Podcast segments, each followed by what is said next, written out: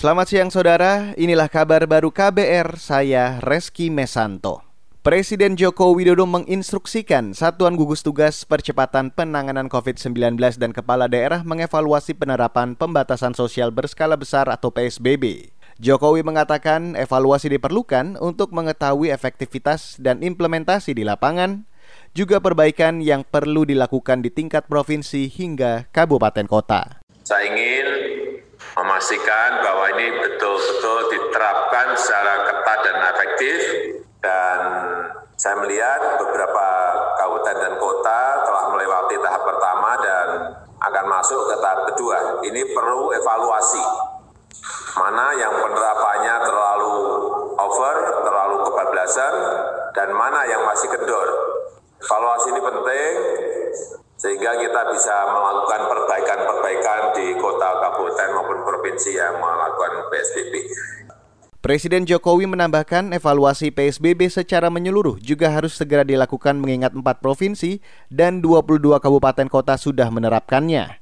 Evaluasi menurut Jokowi akan memperlihatkan kelebihan dan kelemahan pemberlakuan PSBB. Sementara itu, saudara, pemerintah dinilai kurang menyiapkan akurasi data penerima bantuan sosial. Pengamat kebijakan publik Trubus Rahadriansyah mengatakan, pemerintah harus segera melakukan pemutakhiran data karena warga yang menjadi miskin akibat dampak pandemi COVID-19 bisa saja dahulunya tidak terdaftar sebagai penerima bantuan. Jadi uh, itu persoalan kan ada seseorang pada saat di data itu, itu mereka kan nggak nggak terima apa namanya nggak ada datanya gitu loh. Jadi dia karena dia masih bekerja gitu loh. Nah kemudian setelah ada dampak COVID ini yang bersangkutan di PHK.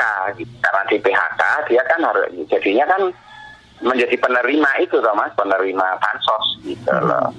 Nah, tetapi uh, karena datanya nggak ada, dia nggak terima gitu loh, Pak. Jadi ini banyak sekali apa data itu tidak sasaran karena karena datanya tidak, tidak by name, by address-nya nggak ada. Nah, kemudian itu data itu tidak sampai kepada Eh, pihak-pihak uh, yang yang sekarang butuhkan. Pengamat kebijakan publik Trubus Rahardiansyah menambahkan, pemutakhiran data harus dilakukan dari bawah ke atas atau dari tingkat RT, RW, dan seterusnya, kemudian diverifikasi oleh Dinas Sosial.